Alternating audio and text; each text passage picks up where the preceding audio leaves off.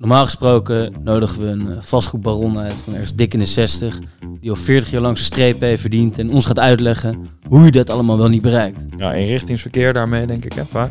Ja, en eh, gelukkig hadden we nu iemand te gast die heeft eh, nou, pas 7 jaar achter zich en ruim 40 voor zich. Ja, Ferdinand Grapperhaus hadden we te gast. Hij is een echte Delftenaar, een fietsenmaker zoals we vanuit Rotterdam zouden zeggen. Hij is natuurkundige van origine, maar hij heeft visie opgericht. Visie, Physics en En ze zijn begonnen met slimme ramen, stroomopwekkende ramen. Um, en met het Sense gedeelte van hun bedrijf maken ze nu eigenlijk ja, uh, je hele gebouw slimmer, waardoor je efficiënter met je energieverbruik nog vele andere dingen om kan gaan. En ze zitten met Par Plus, dat is een ander gedeelte van het bedrijf, in de kassenbouw eigenlijk hè? Ja, inderdaad. Dus het is echt een scale-up in die grote conservatieve wereld. En ze timmeren hard aan de weg. Ik denk 40, 50 man dat er nu werken. De toekomst belooft nog een hoop meer. Zeker, dus met dit keer een frisse jonge wind in de Vastgoedmarkt podcast. Jong geleerd, oud gebouwd.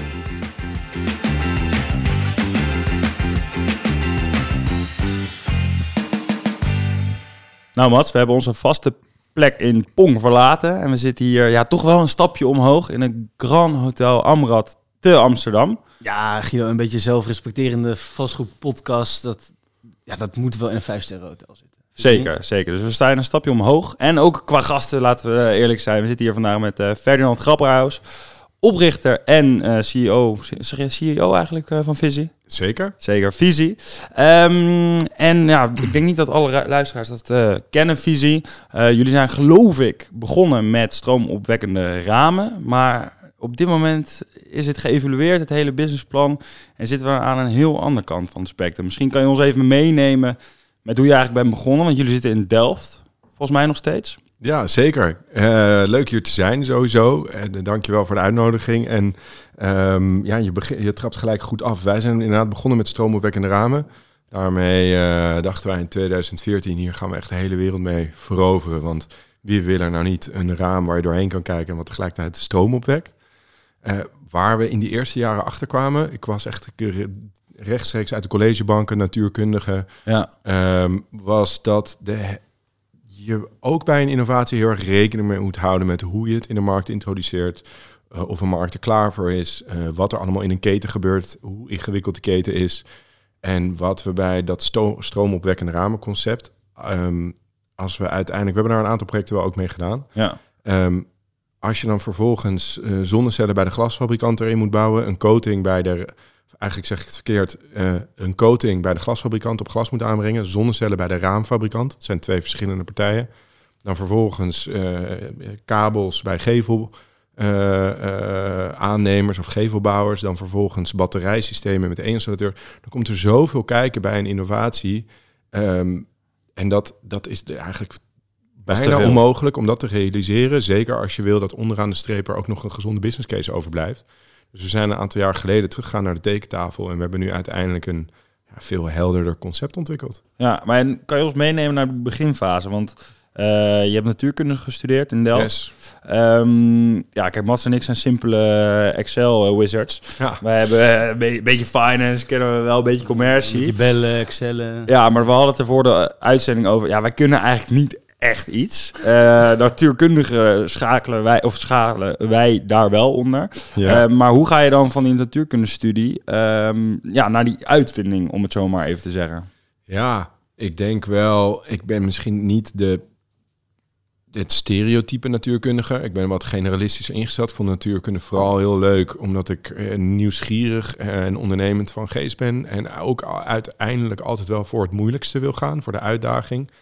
En ja, ik had van tevoren uitgezocht wat is de moeilijkste studie in Delft. En dat scheen technisch natuurkunde zijn. Zo ben ik dat uiteindelijk gaan studeren. Ja, lekker. Denk je er niet veel hoor. Nee, maar dit is wel goed. Ik, ik heb inderdaad, toen dacht ik van ja, ik wil iets economie of, natuurlijk, of uh, economie of bedrijfskunde. Toen dacht ik, waar kan ik dat het beste doen? Nou, dat was dan Rotterdam. Maar jij dacht, wel, ik moet gewoon het allermoeilijkste. Ja, ik wilde mezelf, en dan kan je vanuit daar altijd nog wel terugschalen. Maar meer opschalen ga je tijdens de studententijd toch niet meer doen. Dat is een soort uh, vooruitziende blik. geen spijt van dus? Geen spijt van. Ik vond het zeker de eerste jaar nog wel echt hard werken. We hadden gelukkig nog geen binnen studieadvies. Dus dat was echt nog wel even...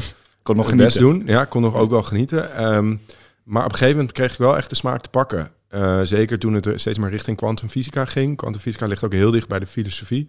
Dat moet je ook een beetje uitleggen ook wel hoor, voor de... Ja. Daar, daar komen we, daar Nee. komen we vast zo op. Ja, of Eh, niet, vind ik ook goed. Oké. Maar- dus, dus ja, dus jij, jij, jij studeert het, je kiest voor het moeilijkste en op een gegeven moment eh, ben je klaar. Yes. Eh, nou, de gemiddelde student die bedenkt, eh, ik kijk even op naar de S&P 500 of de AEX, waar wil ik werken, waar is een traineeship? Alleen jij dacht van, nee, ik moet voor mezelf beginnen. Nou, het ging natuurlijk niet helemaal zo. Ik de- zat al wel op een gegeven moment, zeker in die natuurkundige studie, zijn alle grote strategieconsultants en De McKinsey's, de BCG's van McKinsey's, deze wereld. maar ook, ook een beetje de, de private equity kantoren, et cetera. En iedereen is daar best wel aan het vissen. Het is best een gewild profiel. Dus ik heb ook wel aan van die eh, business courses meegedaan. Dat je dan een, een paar dagen op pad gaat en dan zo'n zogenaamde case moet oplossen. Vond ik ook hartstikke leuk. Ehm, dus het heeft ook weinig gescheeld of ik, ik was eigenlijk een andere kant op gegaan. Eh, maar ik denk eh, twee dingen die ervoor zorgen dat ik uiteindelijk een eigen bedrijf ben begonnen. Eén was dat ik het niet alleen heb gedaan. Ik ben op een gegeven moment een, een mede-studiegenoot, Willem Kesselo, ook een natuurkundige. Die zei, hey, dit is een gaaf afstudeerproject. Moet je niet eens komen kijken? En toen zijn we samen eigenlijk dus op die coatings gaan afstuderen. En daarmee, voor je het weet, kan je een patent indienen, kan je een subsidie aanvragen. En eigenlijk als je een subsidie aanvraagt, heb je wel een BV nodig. En voor je het weet, loop je de KVK uit. Ja, dus dat. En eh, ehm, dus zo zijn we begonnen. En ehm, eh, het tweede eigenlijk was ja, toch weer de challenge. Namelijk de vastgoedindustrie te gaan verduurzamen. Dat is ook ongeveer het moeilijkste wat er is. Dus Ja. ik heb weer voor die uitdaging gekozen. Ik, ik wil heel even, voordat we inderdaad die weg naartoe eh, gaan bespreken, even het Ja. eindpunt. Dat de luisteraar ook weet van, oké, dus Visie, is een bedrijf, het is een eh, start-up, een skill-up onderhand. Het is begonnen als eh, nou, ramen, als zonnepaneel, even in, in, in Jip en Janneke taal. yes. Maar wat doet het nu? Wat, waarom hebben we jou uitgenodigd in deze podcast, waar we allemaal vastgoedbaronnen hebben? We hebben lekker een eh, CEO van een skill-up. Wat, wat doet Visie, wat, wat zo boeiend is? Ja, kijk, die, die laatste vraag die kan je zelf best a- antwoorden en beantwoorden waarom je mij hebben uitgenodigd. Maar wat wij nou precies doen. We zijn begonnen in die gevel met het stroomopwekken. En toen we er eenmaal achter kwamen, zijn we wel gaan eh, dat, dat we dat product moesten gaan aanpassen. Zijn we wel gaan kijken wat is nou het probleem in de markt. En eh, een Amerikaanse quote voor veel start-up founders. eh, don't fall in love with your solution, fall in love with the problem. Want ja, voor je het weet hou je veel te veel vast aan je eigen oplossing, terwijl je wil een probleem oplossen. Ja. En het probleem wat wij wilden oplossen is dat de bebouwde omgeving of gebouwde omgeving veel te veel energie verspilt. En toen kwamen we erachter dat er met die gevel nog heel weinig gebeurt. Als je naar een project kijkt, en jullie zijn allebei projectontwikkelaar of werken in projectontwikkeling, helemaal boven in die boom vindt die opsplitsing tussen de gevel en de binnenkant van het gebouw plaats. En in die binnenkant alle installaties en keuzes en sensoring, er gebeurt ontzettend veel. Maar die gevel wordt eigenlijk alleen maar ontwikkeld wat ja, de architect heeft bedacht met een bepaalde U-waarde, een bepaalde gevelkleur en it. U-waarde iets met isolatie te. Ja, is isolatiewaarde, inderdaad. En wij zijn erachter gekomen dat daar nog heel veel ja, onbenut, onbenutte potentie zit. Toen kwamen we erachter dat niet alleen stroomopwekken daar van waarde zou kunnen zijn, maar überhaupt meten. Dus dat zijn we gaan doen. We zijn in glas, in de gevel, gaan meten hoeveel zonlicht er beschikbaar is, hoeveel warmte er beschikbaar is, maar ook hoeveel ongewenste warmte er soms een gebouw binnenkomt en waar je wat tegen mee moet doen.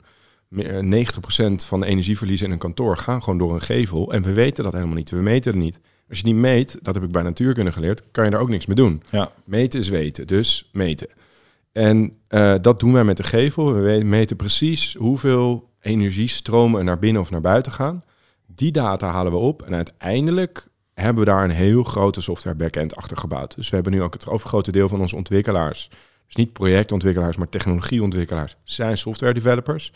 En die bouwen geba- eh, ja, building, eh, gebouw fysica, algoritmes, eh, digitale tweelingen van gebouwen. En die halen onze data naar binnen, maar ook data van ja, third parties. Dus binnensensoring, eh, gebouwbeheersystemen, zonweringen. We halen alle data samen van een gebouw. Dat stoppen we in de digitale tweeling. Daarmee gaan we verbeteren hoeveel, of eigenlijk hoe, eh, hoe- hoeveel energie we kunnen besparen. Want, want help me even, want als ik even een advocaat van de duivel speel, dan, dan, nou, als ik eh, in een ruimte kom, bijvoorbeeld hier best warm, ik loop naar de thermostaat Nou, toe. hier heb je dan ook Ja. wel eentje te pakken, hè? Ja, Ja, we hebben het net Ja. geprobeerd, hè? de ramen konden hier niet open. Nee, maar het is voor de rest een geweldig hotel, dus Prachtig. mogen we niks. eh. Zeker. maar ja, het eerste wat ik doe, ik loop naar de thermostaat toe en ik denk, eh, nee, is ook wat kouder. En dan wordt het wat kouder en, en, en dan zit ik lekker. Wa- waarom is dat eigenlijk niet voldoende? Eigenlijk wil je, ehm, wij focussen op kantoorgebouwen. Dus laten we die, die focus ook als eerst maken. Nieuwbouw en renovatie. En, en we zien dat we ook steeds meer naar ook bestaande projecten gaan... waar echt veel laaghangend fruit zit. Eh, en waardoor je snel al kan wat verduurzamen door het iets slimmer te maken. Ehm, wat onze visie is, is dat je helemaal niet meer op hoeft te staan. Je wil niet naar die thermostaat lopen. Je wil niet je telefoon uit je zak moeten pakken om iets aan te passen. Je wil een gebouw die voor jou gewoon alles regelt. En die steeds beter leert hoe het gebouw het ook moet regelen. Zodat jij kan focussen op je werk. En als je niet op je werk wil focussen, is het misschien op ontspanning of iets anders. Dat jij in ieder geval wel kan focussen op je primaire eh, zaken. Terwijl het, ja, het, de gevel en het gebouwsysteem de rest voor je regelt. Gaat ze ook breder dan temperatuur eigenlijk. Want Zeker. Warm, koud.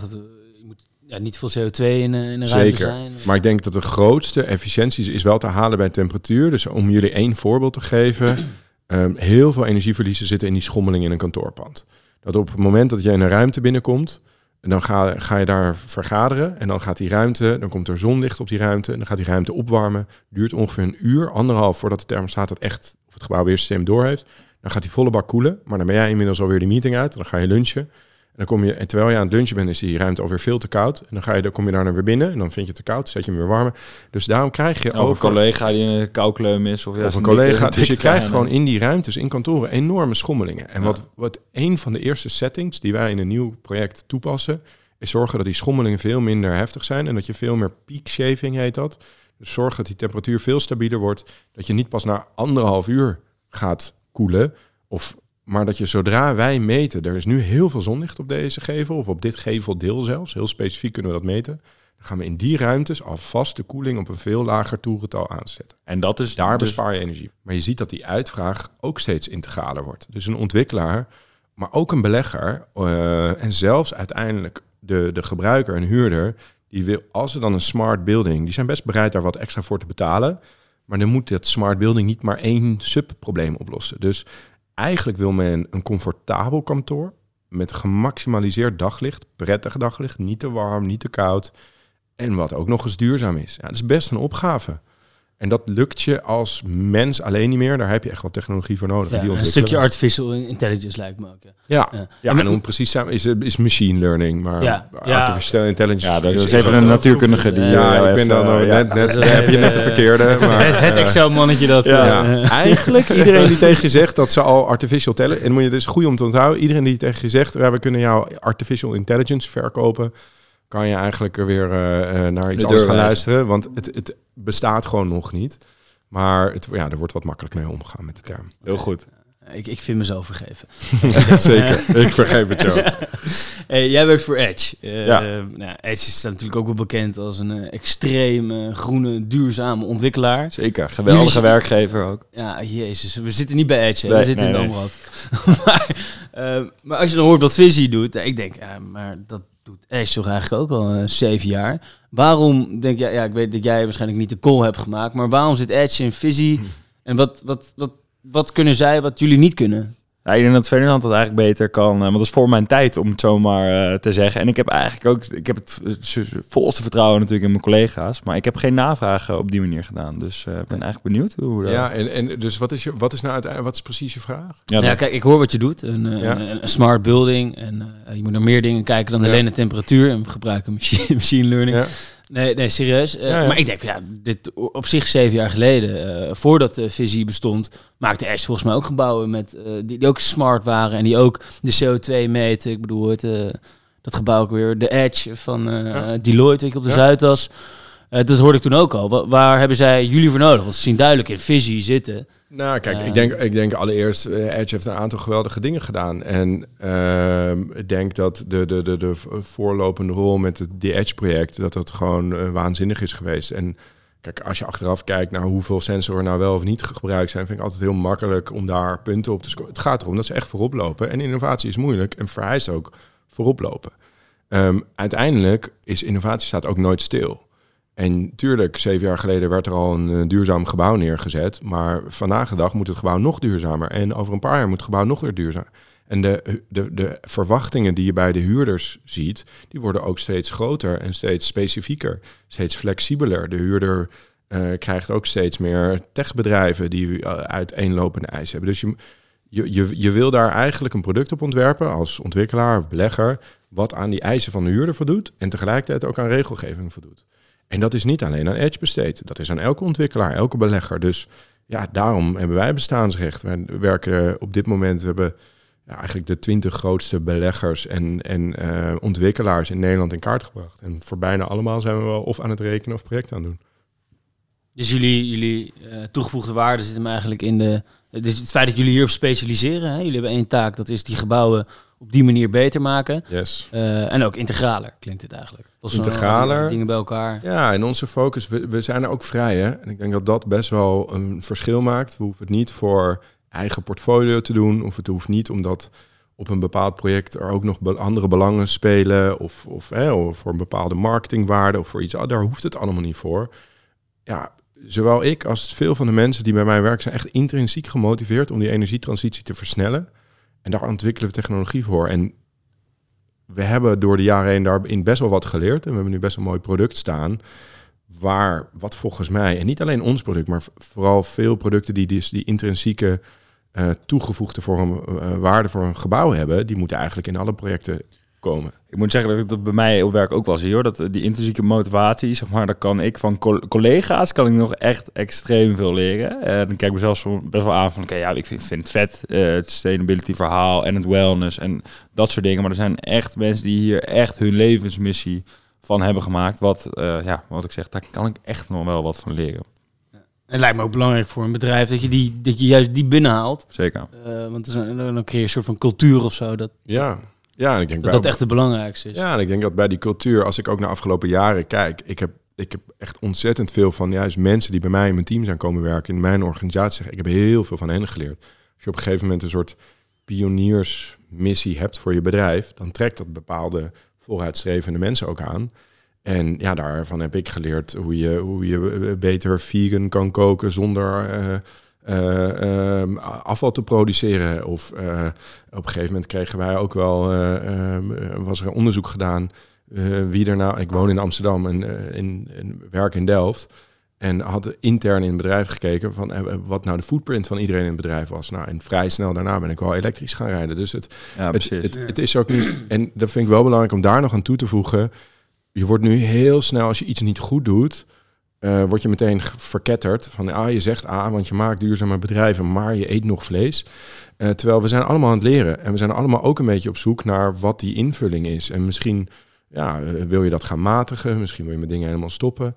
En dat leer ik juist in zo'n cultuur best wel, best wel versneld, denk ik. Dat brengt me eigenlijk bij, uh, bij, bij, de volgende vraag. Alleen dan kom jij als natuurkundige met visie en ja. uh, skill met, met, met, een vrij geniaal idee. Want je hebt nu 50 werknemers en het groeit als kool. Ja, dankjewel. Dan kom je in de vastgoedsector. Ja.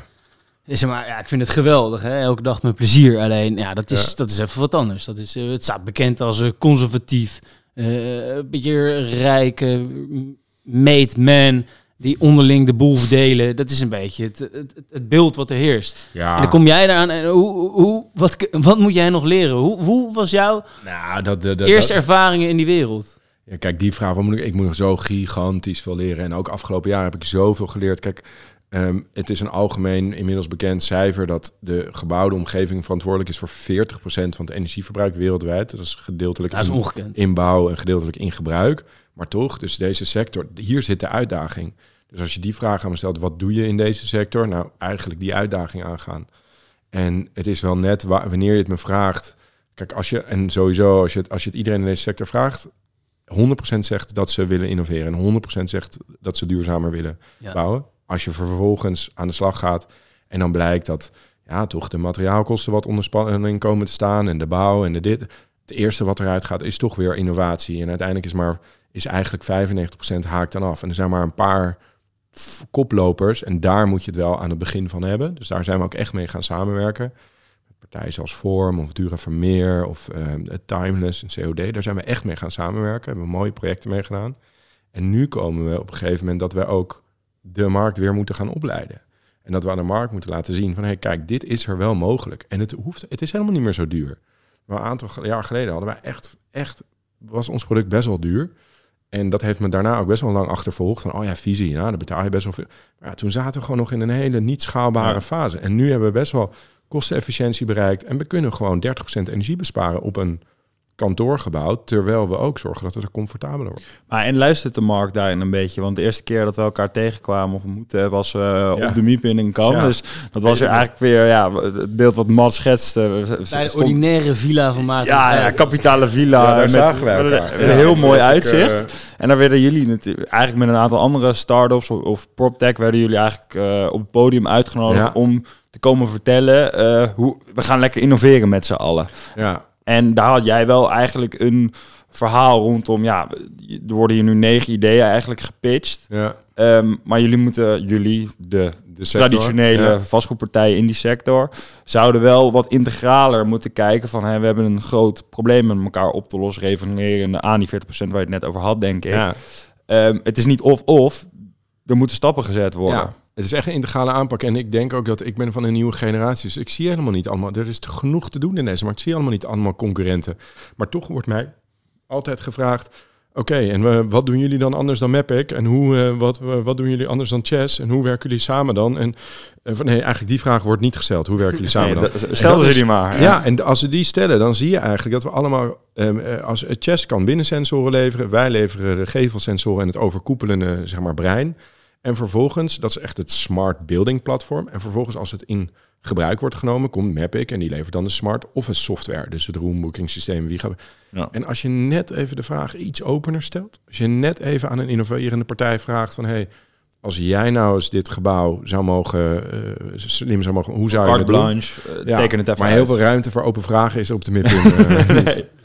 Ik denk Nee, ook wel dat als je dan een heel jaar... Want ik ben, ik ben nu twee keer op de MIPIM geweest. En misschien dat ik nu volgend jaar niet meer word uitgenodigd. Maar ehm, dan ben je een heel jaar, heb je goede gesprekken. En je doet studies voor projecten. En je, doet, je, bent, je bent echt gebouwen intrinsiek beter aan het maken. En dan kom je uiteindelijk op de MIPIM. En dan ja, zie je dat het toch ook uiteindelijk allemaal weer afhangt van ja, wie, er, wie, er, wie je waar kent en eh, of je, het, of je bij het handjeklap bent of dat je er niet bij bent. Dat is som, kan soms wel demotiverend zijn. Dat je echt vanuit de wetenschap met een zo goed mogelijke oplossing probeert te komen of vanuit de technologie. Ja. En dat je gewoon niet altijd daarop beoordeeld wordt. En hoe gaan we dat eh, veranderen dan? Ja, dat kunnen jullie mij nou weer vertellen. Ja. Kijk, ik weet wel wat wij er tot nu toe aan doen. Ik kan kort over zeggen is dat we nu een veel meer gefocuste strategie hebben. Dus we hadden eerst in het begin hadden wij was een beetje de onze R&D afdeling was de locomotief van de organisatie en de rest verkocht daar een beetje omheen en probeerde maar wat. En nu hebben we echt de locomotief is wel de commerciële afdeling. We hebben heel goed in kaart gebracht wat zijn nou de 20 toonaangevende ontwikkelaars en beleggers Waar we op aan moeten haken. voor aan moeten haken. Daar moeten te we allemaal in ieder geval één project mee doen. En dat Ja. gaan we, zijn we nu ook aan het doen. En Zijn dan we ook bewijs je je eigenlijk zelf. bewijs rondom jezelf. je en dan komen ze propositie. vervolgens wel weer met project 2 en 3. Ja. Dus dat is één. Twee, we merken ook dat de tijd echt veranderd is. Dus ik werk, ben nu acht jaar bezig. In die eerste zeven jaar was ik echt een soort knuffel start-up soms, weet je. Dat je dan weer gevraagd wordt en dan mag je een pitch doen. Speelt je leeftijd denk ik Ja. ook wel mee, toch? Ik denk dat je ja, gewoon aan het begin, jong bent, ja, net ik was student af. 27, Ja. 28 toen, toen wij bij ons inschreven bij de KVK. En dat je, dat je dan, dan, dan, dan mag je weer ergens een verhaaltje houden. En dan gaat iemand thuis en zijn vrouw vertellen... Oh, vandaag weer zo'n leuk idee. En eh, daarna niks. Helemaal niks. En nu merken we eigenlijk sinds nou, afgelopen half jaar, drie kwart jaar... worden wij echt opgebeld door grote beleggers, institutionele beleggers ook zelfs... Die vragen, hey, hoe kunnen wij ons dit project Paris-proof maken? Of hoe kunnen we zorgen dat we op ESG beter scoren? Dus er, en dan bedoel ik even niet alleen zozeer naar ons en dat wij nou zo goed zijn, maar je merkt dus dat er in de markt een andere... Wel urgency Ja, gecreëerd ja wordt wij om- krijgen echt ja. de vraag om een probleem op te lossen in plaats van, hey, kan je even een leuk verhaaltje doen van een paar minuten? En van die 20 bedrijven, hoeveel ervan eh, zijn internationaal? Mm, ja, ook dat. Ik, ben, ik heb er veel geleerd. Dus vroeg je net ook al aan mij. Van, eh, aan het begin dacht ik ook van ja, hoe sneller je internationaal kan gaan. Echt, ik ben naar Dubai geweest en, en, en, en naar Amerika. Voor die dingen. vertical city. ja. Voor die vertical eh, city, ja, die, die, eh, Die nou? lijn, Eh, ja, wat was het nou? De line. de line Ja, ja, met die spiegels. ja. En eh, het is heftig. Die spiegels waren van jullie, toch? Nou ja, en ik zat wel meteen natuurlijk, oké, werkt hier een glasfabrikant aan mee die, die natuurlijk die, deze renders heeft antwoord is natuurlijk niet. Nee, we zetten Nee, de link even in de show notes voor de luisteraars die eh line. niet hebben gezien. Ehm, maar ik ben echt over aan het begin denk je, oh ja, ik wil hier gewoon ik heb een enorm veel passie, enorm veel motivatie. Je denkt, ik ga de wereld overnemen. Ons wachtwoord op kantoor van het wifi was ook heel lang world domination. Uh, dus hè, we, we, gaan er gewoon voor. een beetje Trump your fire. Ja, dan, ja zoiets. ook wel zo'n uh, start-up hoor. Ja, het is gewoon start-up vibe. Ja, weet je, daar, daar schamen we ook zeker niet voor. Alleen, dat kunnen. Um, uiteindelijk kom je erachter dat je er veel meer hebt aan een gerichte, realistische strategie. En ook je medewerkers, dus die, die worden daar op een gegeven moment, zijn, hebben die daar behoefte aan. We hebben nu gezegd, we gaan gewoon eerst in Nederland en we doen ook in Duitsland nu een paar projecten, een paar mooie projecten ook in Hamburg.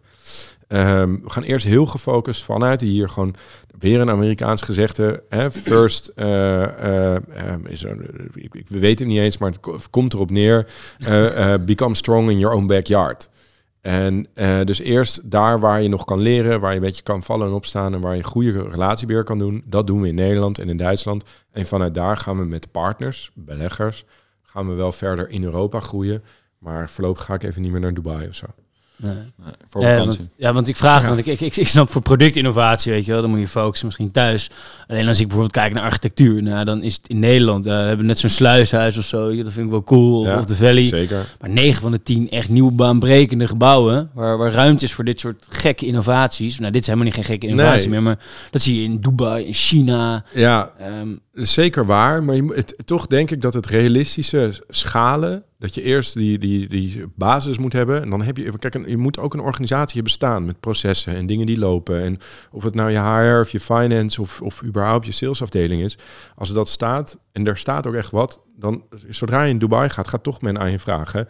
Laat maar een paar grote projecten zien. En dan moet je ze toch, eh, als die sheiks dan overkomen, moet je ze wel naar een paar kantoren. Dus er zit wel wat in. Kijk, tuurlijk, als wij een puur software B2C-achtige start-up, scale-up waren geweest, dan zou ik meteen, hè, ga zo snel mogelijk internationaal en go for it. Internet op en... Ja, internet op en gaan. En ga, laat maar testen. En als er iets fout blijkt, ga je het dag erna aanpassen. Hey, en je, je noemde net al het woord uh, partnerships. Ja. Uh, nou, net al benoemd, uh, met Edge hebben jullie een, een, samenwerking. Of nou, ze hebben gewoon aandelen eigenlijk in jullie bedrijf volgens mij. Ik, nou, ja. Leg me even uit hoe het zit zo. Maar ik zag in ieder geval op de website ook andere namen. Vorm, Rabobank. Eh, de broertjes van Vechel, uh, Dura Vermeer, uh, Kern. Allemaal uh, ja, grote vastgoedpartijen. De van Vechel stonden niet zo op, op, op de website. ik denk dat als je... timeless. Alle, timeless, ja. Ik denk dat als Dura Vermeer erop stond, dan stond ook Timeless erop. um, Fair enough, we weten over wie het hebben. Ja. Hoe komen die partijen bij, jullie, bij jou terecht? Dat is, dat is eigenlijk vraag 1. En dan, en dan daarop volgend, ja, is zo'n zo'n groeistrategie, als je zoveel aandeelhouders hebt, hoe hoe werkt dat? Hoe vrij ben je in je nou, keuzes? Uiteindelijk valt dat ook nog wel weer mee. Uh, ik denk dat we een aantal jaar geleden hebben we gewoon... Um, we kwamen in deze markt, waren nog onwetend. En we hebben toen een soort onderzoek gedaan. Oké, wie zouden we moeten hebben als we willen versnellen? Uh, en toen kwamen we uiteindelijk op Dura Vermeer, Timeless, Form en ook uh, Edge uit. En die heb ik gewoon eigenlijk best wel brutaal benaderd. Gewoon een gesprek via via... Ehm, gepland en uh, eigenlijk ook een oproep gedaan op hun verantwoordelijkheid om, om ja, de, de, de, de, de sector waar ze toch ook veel geld aan verdienen, ook verder te gaan helpen verduurzamen en innoveren. En daar, ja, daar, daar, daar zijn ze meegegaan. Ik ben ze daar ook heel dankbaar voor. En uiteindelijk is bijvoorbeeld, zijn zowel een Form of een Timeless. En daar doen we ook echt, uh, zijn echt actieve aanhouders, doen we veel projecten mee. Zijn we echt telkens weer aan het kijken hoe kunnen we dit project beter maken. En ja, nou, ik denk ook dat je bij een Edge ziet dat uh, ook Edge het zelf ook een beetje natuurlijk probeert met uh, Edge, Edge Next. Edge Next.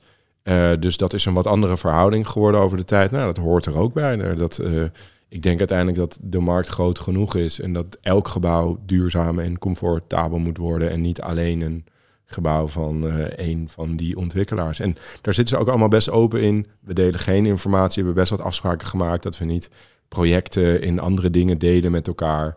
En degene die wat minder betrokken zijn, zitten in een stak. En degene die wat meer betrokken zijn, uh, zoals bijvoorbeeld Daan uh, van de Vorm, die echt actief betrokken is, die nu ook stopt bij Vorm, wordt, uh, ja, wordt RVC-lid bij ons. Oh, wow. ja, want die willen ons ook echt, hij is heel gefocust om ons te helpen, niet alleen product, maar ook gewoon de bedrijfsstrategie en de bedrijfsorganisatiestructuur steeds beter te krijgen. En ja, ik ben daar alleen maar heel dankbaar voor. dat vind ik wel heel gaaf. Voor dat ook echt wel, ja, ja, om het woord te gebruiken, relatief grote vastgoedbaron in Nederland hun verantwoordelijkheid nemen. Ja, ja zeker. Weg ook met, met, met, met, met B uh, Amsterdam doen ze dat ook.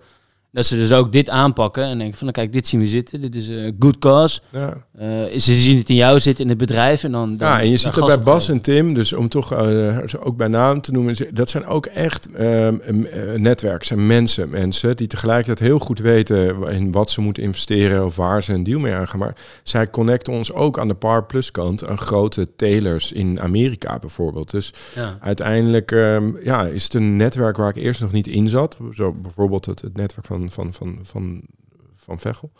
Eh, en waar ik nu inmiddels, eh, ja, waar je dan in op bent genomen en waar je ook veel in wordt geholpen. En ik geloof wel dat dat uiteindelijk het verschil gaat maken.